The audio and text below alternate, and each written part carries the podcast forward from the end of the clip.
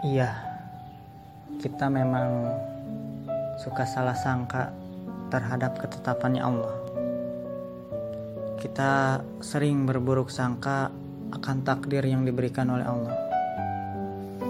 Padahal terkadang Allah memberikan kita ujian dan kesulitan hidup bukan berarti Allah tidak mencintai kita.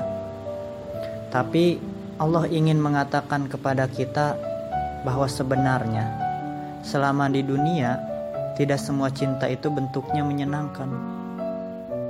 Lihatlah para nabi yang mulia itu. Mereka menghabiskan waktu dalam kesedihan dan kepahitan. Itu pun lebih banyak dibandingkan dengan kesenangannya. Allah ingin mengajarkan kepada kita bahwa ya itulah hidup. Namun Apakah setelah itu berkurang ketaatan para nabi itu kepada Allah? Apakah dengan kesusahan itu mereka meninggalkan Allah? Tidak. Yang kita saksikan adalah sebaliknya.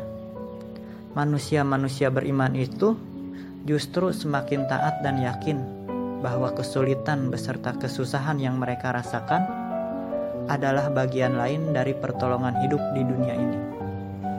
Allah tidak pernah membuang kita dalam kesulitan dan Allah juga tidak membersamai kita dalam kelapangan.